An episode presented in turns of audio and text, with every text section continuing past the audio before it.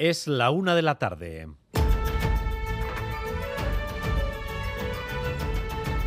Crónica de Euskadi con Dani Álvarez.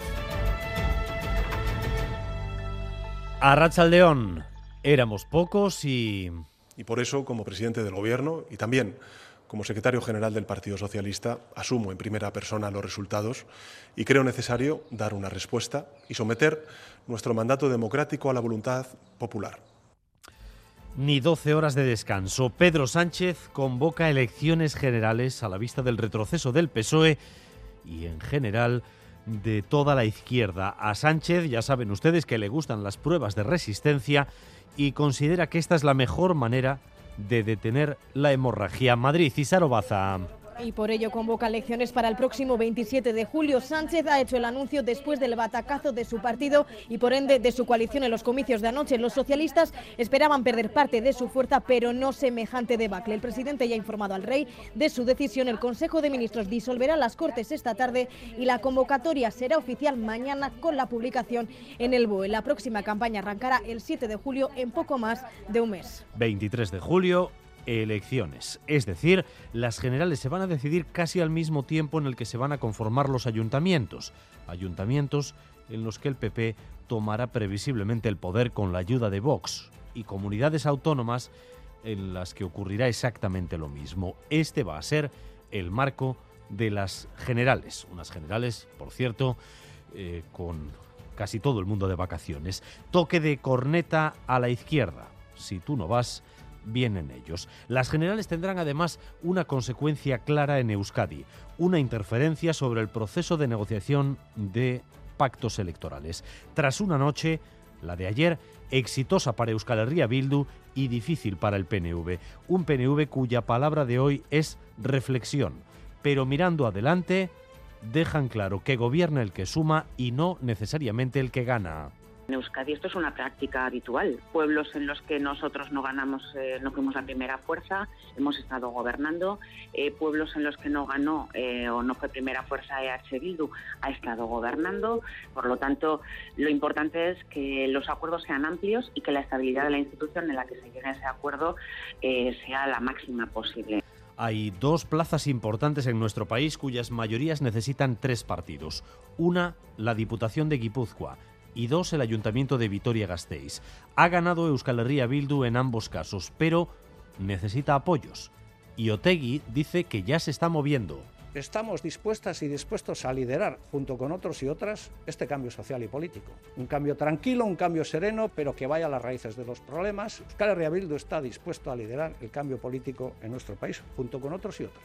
Total, que la llave la tiene el PSE, hacia qué lado se decante es lo que está en juego a partir de ahora. Fermín Alberdi. Todos piden acuerdos amplios y de estabilidad, pero la disputa está en qué personas van a liderarlos. El PNV dice que ya hay un modelo de acuerdo, el que funciona en el gobierno vasco con los socialistas y el que se ha usado en las instituciones forales en los últimos años. Los gelzales ven a Eider Mendoza pactando y como diputada general de Guipúzcoa. Arnaldo Tegui dice que él ve a Mayalen Iriarte en el puesto al ser la más votada y que cualquier otra aritmética que explicarla. Lo mismo pasa para la alcaldía de Gasteiz. El PSE dice estar seguro y esperar que Maider Echevarría sea alcaldesa.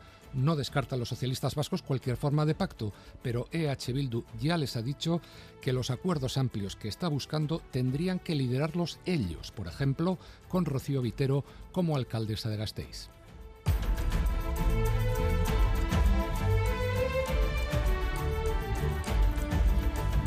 El Departamento de Seguridad ha aportado nuevos detalles determinantes sobre el asesinato de la joven embarazada en Vitoria a manos de su expareja. El quebrantamiento de la orden de alejamiento es voluntaria, es consentida por ambas partes, que su relación con esta persona era una relación que no generaba, que no generaba miedo en ella, ni les ponía a peligro de ningún tipo y que su deseo era poder restablecer con absoluta normalidad una relación de afectividad Al margen de esto, la red de denuncia social de este nuevo asesinato se ha activado ya desde el ayuntamiento hasta las plataformas populares que reclamarán justicia para Mayalen y su hija Sonia Hernando. Hoy la política ha dejado de lado la resaca electoral en Vitoria-Gasteiz, todos sujetando la pancarta morada contra las agresiones machistas a mediodía, desde el alcalde de Gasteiz, diputado general, las formaciones políticas, hasta el obispo de Vitoria, la directora de Macunde, Miguel Miren Elgarresta, se ha acordado de Mayalen y también de Lourdes. Estamos ante uno de los casos de violencia machista más crueles.